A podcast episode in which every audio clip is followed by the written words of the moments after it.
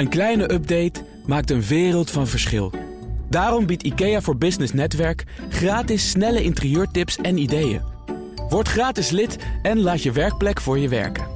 IKEA, een wereld aan ideeën.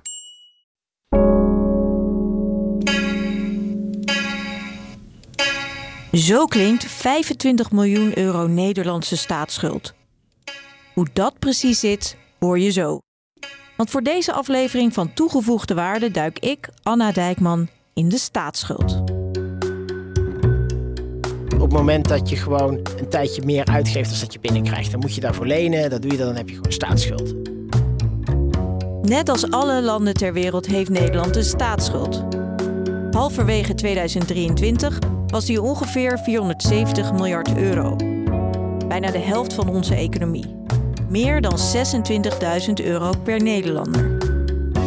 Als je als persoon 26.000 euro schuld hebt, is het natuurlijk de bedoeling dat je die helemaal gaat aflossen. Maar waarom geldt dit niet voor de staatsschuld? Zou het niet veel beter zijn als die schuld lager is of zelfs helemaal weg? Dat gaan we straks bespreken met econoom Jasper Lucchese, die je net al even hoorde. Maar eerst gaan we naar het kloppende hart van onze staatsschuld. Het ministerie van Financiën in Den Haag. Om precies te zijn het agentschap van de Generale Thesaurie. De plek waar de financiën van Nederland beheerd worden. Gedurende zo'n tapveiling hoor je eigenlijk continu dit geluid. En dat betekent dat er 25 miljoen is afgenomen door een, uh, door een zaakbank. En meestal bij een tapveiling willen we tussen de anderhalf en 2,5 miljard ophalen.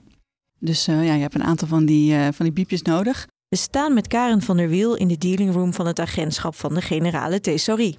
Karen is econoom en plaatsvervangend directeur van het agentschap.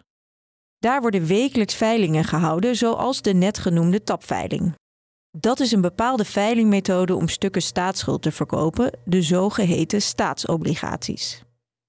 De staat leent dus geld en moet dat later weer terugbetalen. De partijen die het geld uitlenen, krijgen hiervoor een vergoeding, de couponrente. En dat wordt allemaal gedaan om te zorgen dat de overheid altijd geld tot haar beschikking heeft. Natuurlijk zijn er belastingen die binnenkomen. Er zijn ook andere, andere inkomsten. Nou, dat dekt een heel groot deel van de uitgaven, maar niet alles. En wij uh, verzorgen de rest. En wij zorgen er ook voor dat het op ieder moment beschikbaar is, het geld. Zelfs als het zo is dat de uitgaven en inkomsten volledig uh, met elkaar in lijn zijn over een jaar, is het nog steeds niet zo dat het op, een, op dagbasis uh, matcht. Ja, dus dan moet er voor dat moment nog even wat bijgeleend worden, bijvoorbeeld. Precies. Ja, ja, precies. Maar ook als er een tekort is, is natuurlijk heel vaak een begrotingstekort. Dan, uh, dan, dan moet er geld dat. ja. bij komen. Ja, en natuurlijk uh, de bestaande staatsschuld, die loopt uh, af. Ieder jaar hebben we wel aflossingen. Nou, dat geld moet weer opnieuw worden, worden geleend op de, op de financiële markten. Nederland geeft al heel lang staatsobligaties uit. Al ging dat er vroeger wel wat anders aan toe. Er hangt hier iets aan de muur. Ik zie vier papieren zijn het. Staat er Nederlanden. 12 jaar lening uit 1974 staat er onder andere. Wat is dit? Ja, dit zijn echte, echte letterlijke obligaties die, uh, die je vroeger kon kopen. En daar zaten vroeger ook uh, couponnetjes aan, echte bonnetjes eronder met een, met een uh, scheurrandje. En dan kon je die, daar waren er dan 12 bijvoorbeeld. Dan kon je ieder jaar één zo'n bonnetje komen inleveren bij het agentschap. En dan kreeg je rente over die obligatie uitgekeerd in cash uiteraard. En zijn er nog van dit soort oude papieren in omloop? Hebben mensen dit nog liggen? Ja, deze uit de jaren 70 die kan je niet meer inleveren, want die zijn allemaal al uh, ja, verlopen. Dit is 25 jaar geleden ja. zie ik 15 jaar, 12 uh, Dus die, uh, die zijn helaas niets meer waard als je die nog hebt. Toevallig is het wel zo dat er obligaties die voor 1945 zijn uitgegeven, dat je die nog steeds kan inleveren. Heeft te maken met um, Joodse tegoeden. En dat mensen misschien niet in staat waren om die obligaties in te leveren op het moment dat het aan de orde was. Dus dat zijn soms papieren die nog wel bij ons langskomen. Uh, die mensen op de zolder van hun oma vinden. En daar krijgen ze dan nog wel uh, geld voor terug. En ik heb ook wel eens begrepen dat er echt uit de 19e eeuw zelfs ja, nog klopt. schuldpapier dat bestaat. De, eeuwigdurende leningen. Ja, klopt. Dat waren de eeuwigdurende grootboeken. Die hebben we in november vorig jaar afgelost. Maar die waren inderdaad uit 1815, 1896 en 1910 nog. En zoals het woord zegt, waren die dus eeuwigdurend. Dus perpetual. Het idee was dat je dus continu ieder jaar daar rente over kreeg. En lang hebben wij gedacht als staat dat we ze niet mochten aflossen, die, uh, die leningen. Maar we hebben nieuwe juridische inzicht gekregen en bleek eigenlijk dat we het verkeerd geïnterpreteerd hadden lange tijd. Dat we het wel mochten aflossen. Het ging om 11 miljoen, wat veel geld is, maar op de staatsschuld niet veel geld is. Dus relatief kostte dat ons veel moeite. En vanwege uh, anti-witwasregelgeving konden we dat op een gegeven moment ook niet meer zo goed doen, die rente overmaken. Want anti-witwasregelgeving geeft aan dat je precies moet weten aan wie je geld overmaakt. Dus toen hebben we gezegd, nou laten we het toch echt, echt aflossen. Dat hebben we vorig jaar gedaan. Ja. 1815 uh, eh, is een hele tijd geleden. Toch wist het agentschap nog 95% van de obligatiehouders op te sporen. Dit waren vooral kerkgenootschappen, gemeenten en waterschappen. Het geld van die 5% die niet werd gevonden zit in een speciaal fonds waar obligatiehouders nog tot 2042 het geld kunnen claimen. Die lening uit 1815 laat ook zien dat Nederland een heel lange geschiedenis van staatsschuld heeft. Wij weten eigenlijk niet uh, wanneer het precies begonnen is. Wij weten wel uh, wanneer het agentschap is opgericht en dat was in 1841. En we weten dat die lening die in 1815 is uitgegeven eigenlijk weer een heruitgave was van andere leningen die daarvoor al waren afgesloten. We weten ook dat in die periode tussen 1815 en 1841 het een beetje uit de hand uh, is gelopen. Toen was de koning nog echt uh, verantwoordelijk voor de staatsfinanciën. En uh, toen was het vrij onduidelijk met wie er leningen waren afgesloten en tegen welke voorwaarden. Dat was Willem I, die vanaf 1815 staatshoofd was van het Verenigd Koninkrijk der Nederlanden. Hij gaf veel geld uit aan economische herstelplannen, maar ook aan het leger omdat hij weigerde de afscheiding van België te accepteren.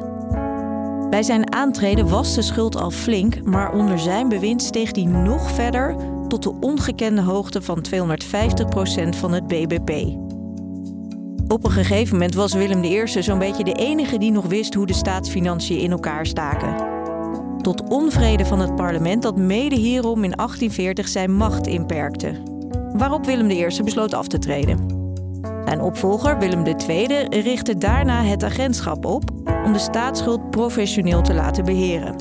Meer dan 180 jaar geleden dus. Ik vroeg Karen hoe het tegenwoordig in zijn werk gaat. Bijvoorbeeld als de staat 5 miljard euro wil lenen. Stel, we willen een nieuwe obligatie op de markt zetten. We willen een nieuw soort lening uh, naar de markt brengen. Dan beginnen we een paar weken van tevoren met een soort marketingcampagne. Een roadshow noemen we dat. Dat doen we niet uh, het hele jaar door, maar eigenlijk maar één keer per jaar.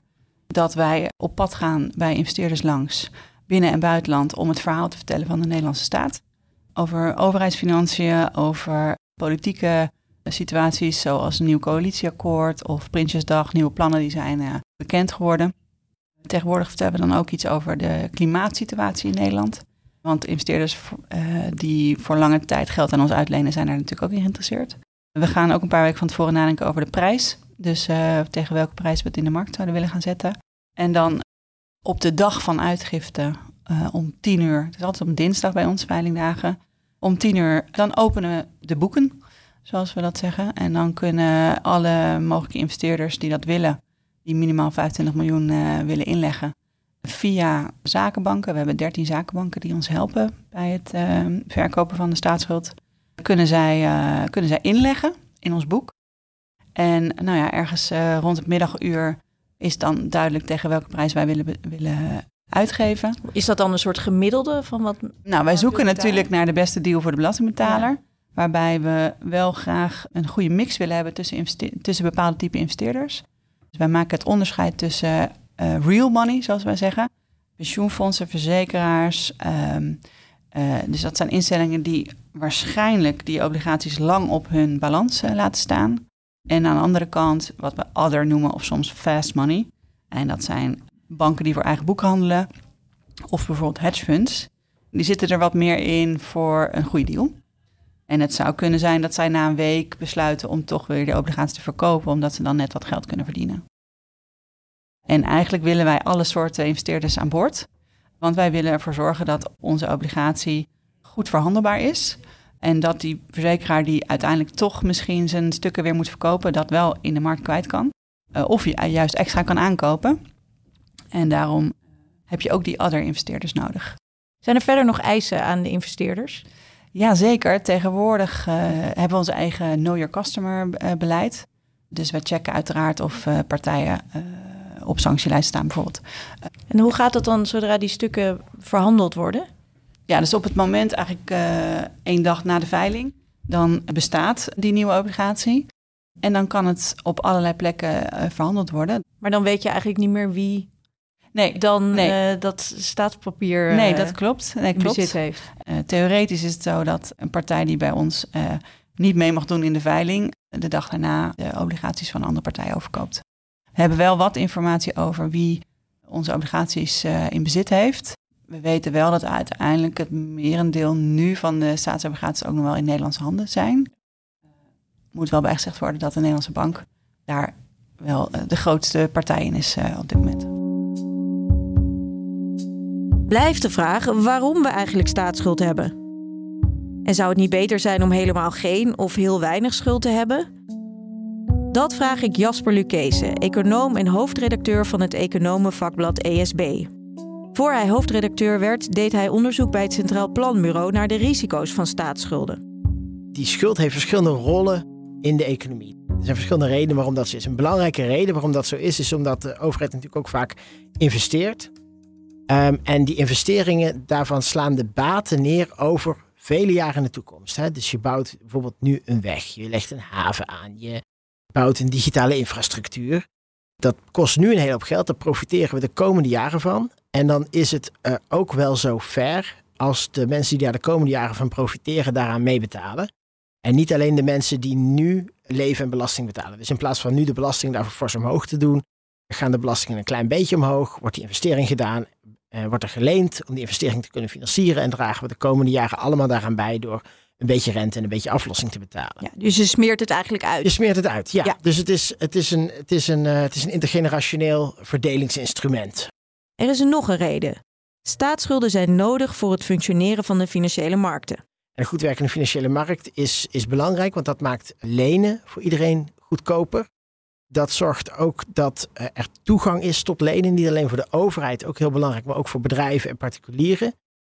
En dat zorgt ook dat allerlei financiële transacties, dat je die gemakkelijk en snel kunt afwikkelen. Dus daarvoor is er gewoon een veilige obligatie nodig, een veilig geschuldtitel nodig. En staatsschuld is een van de, is de, de belangrijkste kandidaat om dat, om dat mee te doen. Dat heeft meer voordelen.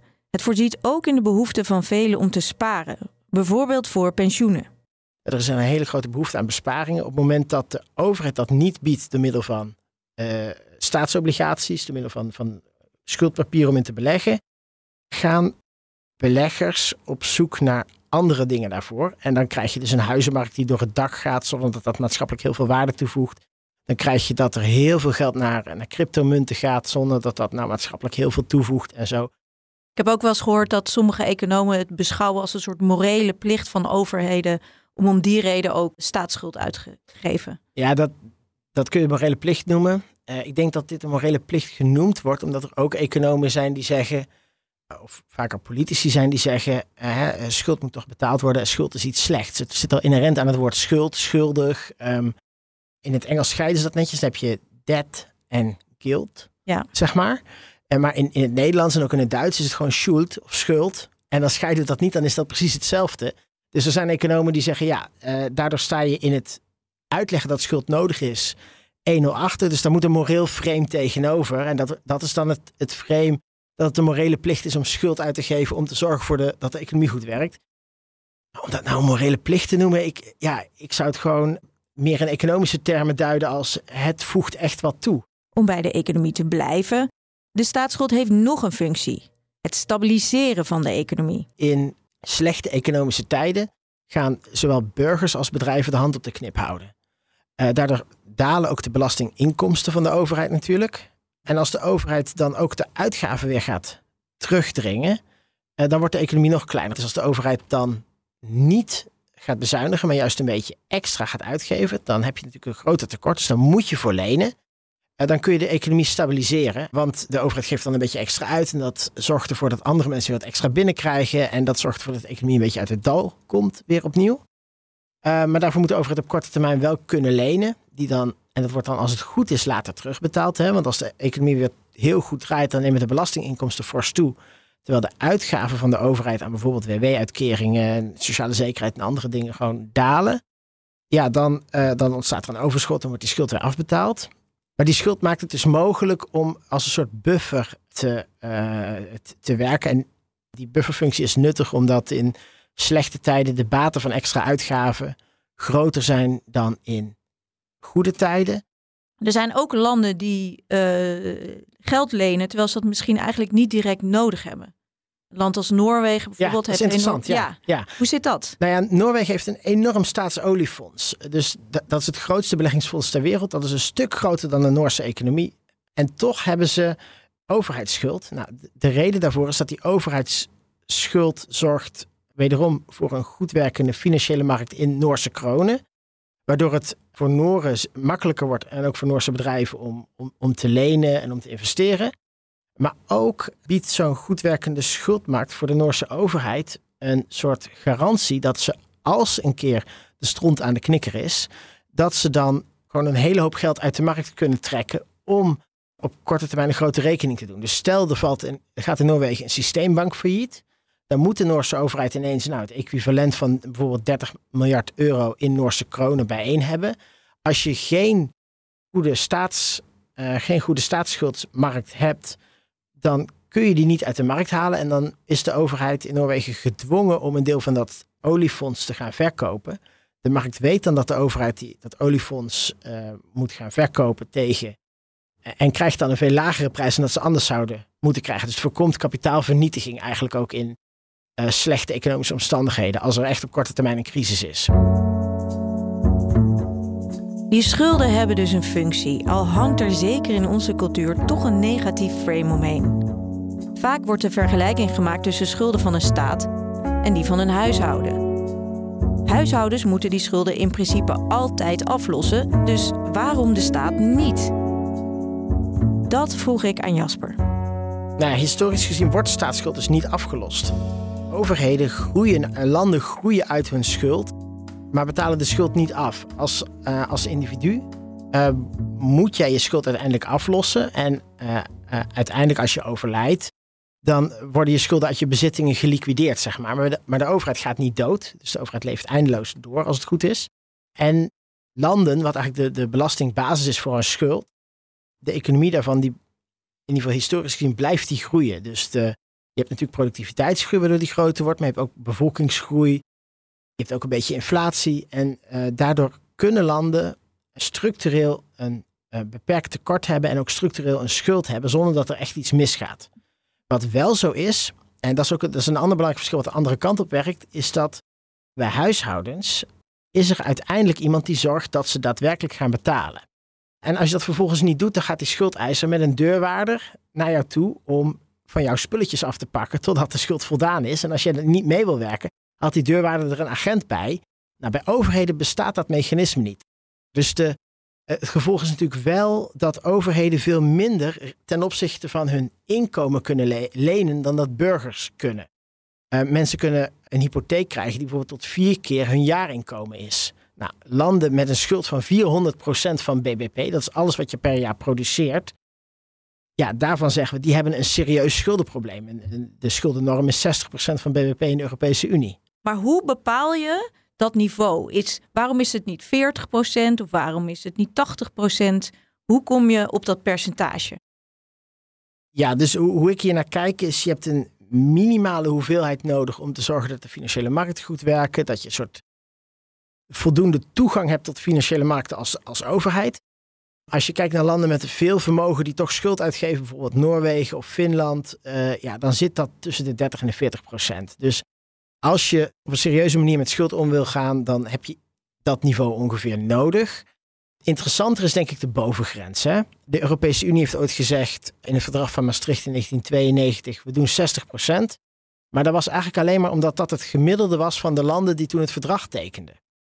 En 60% dat vertaalde zich samen met 3% economische groei en 2% inflatie tot een tekort van 3% van het BBP. Dus je had de 60%, 3%, dat zijn de Maastricht-criteria uit 1992. Dat is een rekensommetje. Als je maar 5% nominaal groeit, dus 3% reëel en een 3% tekort hebt, dan blijft je schuld stabiel op 60%.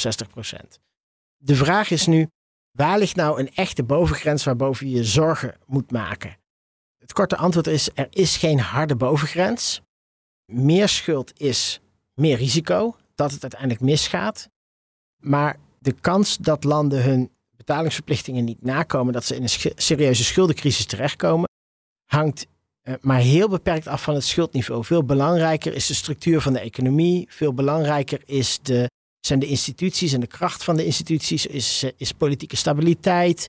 Is de werking van de centrale banken. Of ze het geld hebben geleend in eigen of in vreemde valuta. Al die dingen zijn veel bepalender voor hoe hoog die bovengrens dan is.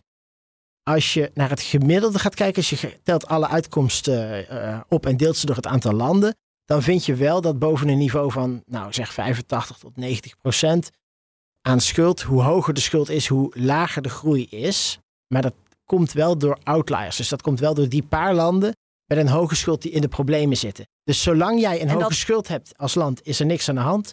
Behalve als je in de problemen zit, dan is er wel wat aan de hand. Precies, en dat gemiddelde land bestaat natuurlijk Nee, dat bestaat natuurlijk. Het mediane land is een informatievere term. Wat gebeurt er eigenlijk als een land failliet gaat? Ja. Wat gebeurt er met die schuld dan? Ja, nou, die schuld blijft gewoon op papier staan. Totdat er een vergelijk, uh, totdat, totdat het land tot een vergelijk komt met de schuldeisers. Ja. Ja, het is niet zo dat je delen van het land kunt gaan verkopen. Kijk, als een bedrijf failliet gaat, dan komt er een curator naar binnen. Die zegt gewoon, nou, wat uh, hebben we hier staan? Wat, dit is de boedel waard. En die gaat gewoon de onderdelen verkopen. Uh, daar komt wat geld op binnen en die verdeelt het onder de schuldeisers en klaar. Er is een enorm reputatieverlies, zowel in het land zelf als naar het buitenland toe. Omdat als de overheid zijn verplichtingen al niet nakomt, waarom zou ik als privépersoon dat doen? Dat is, leidt tot een enorm, ja, een, een moreel probleem bijna in, in het Ja. land zelf. Het tweede is dat het land geen toegang meer heeft tot de internationale kapitaalmarkt. Ze kunnen niet meer lenen. Het wordt ingewikkeld om over de grens zaken te doen. En dat geldt niet alleen voor de overheid, maar ook voor de bedrijven in dat land. Omdat de kredietwaardigheid van de overheid vaak een bodem is voor de kredietwaardigheid van bedrijven. Waarvan gezegd wordt, nou, als de overheid c- creditrating eh, dubbel A heeft, dan kunnen bedrijven niet een betere creditrating hebben dan die overheid. Dus als een, de kredietwaardigheid van de overheid door het putje gaat, gaat de kredietwaardigheid van heel veel bedrijven in dat land ook door een putje. En dan eh, is het voor die bedrijven heel lastig om internationaal nog zaken te doen. Dus nou ja, de schuldencrisis gaat daarom vaak ook in hand in hand met de valutacrisis. Dus dat de munt weinig waard wordt, dat spaargeld verdampt. Hand in hand met een, met een politieke crisis. Maar voordat je daar bent, is er dus meestal wel meer aan de hand dan alleen een hoge schuld. Schuld op zichzelf is niet slecht voor een land en een goed beheerde staatsschuld heeft veel economische voordelen. Mijn favoriete flauwe grap. De staatsschuld eh, is zo groot, die kan inmiddels prima voor zichzelf zorgen. Is toch een beetje- Economengrapje. ja, dit, daar ben ik van. Dit was de vijfde aflevering van Toegevoegde Waarde, de laatste uit deze serie alweer. Maar we komen binnenkort met een nieuwe serie, dus als je je abonneert op onze feed hoef je niks te missen. Heb je opmerkingen of heb je zelf een vraag over de economie die je graag uitgezocht wil hebben? Mail ons dan op podcast.fd.nl of stuur mij een DM op Twitter, Anna Dijkman. Redactie en montage van deze podcast was in handen van Anna de Haas, Paulien Wuster en van mij. De muziek komt van Gijs Vriezen. Dank voor het luisteren en tot snel.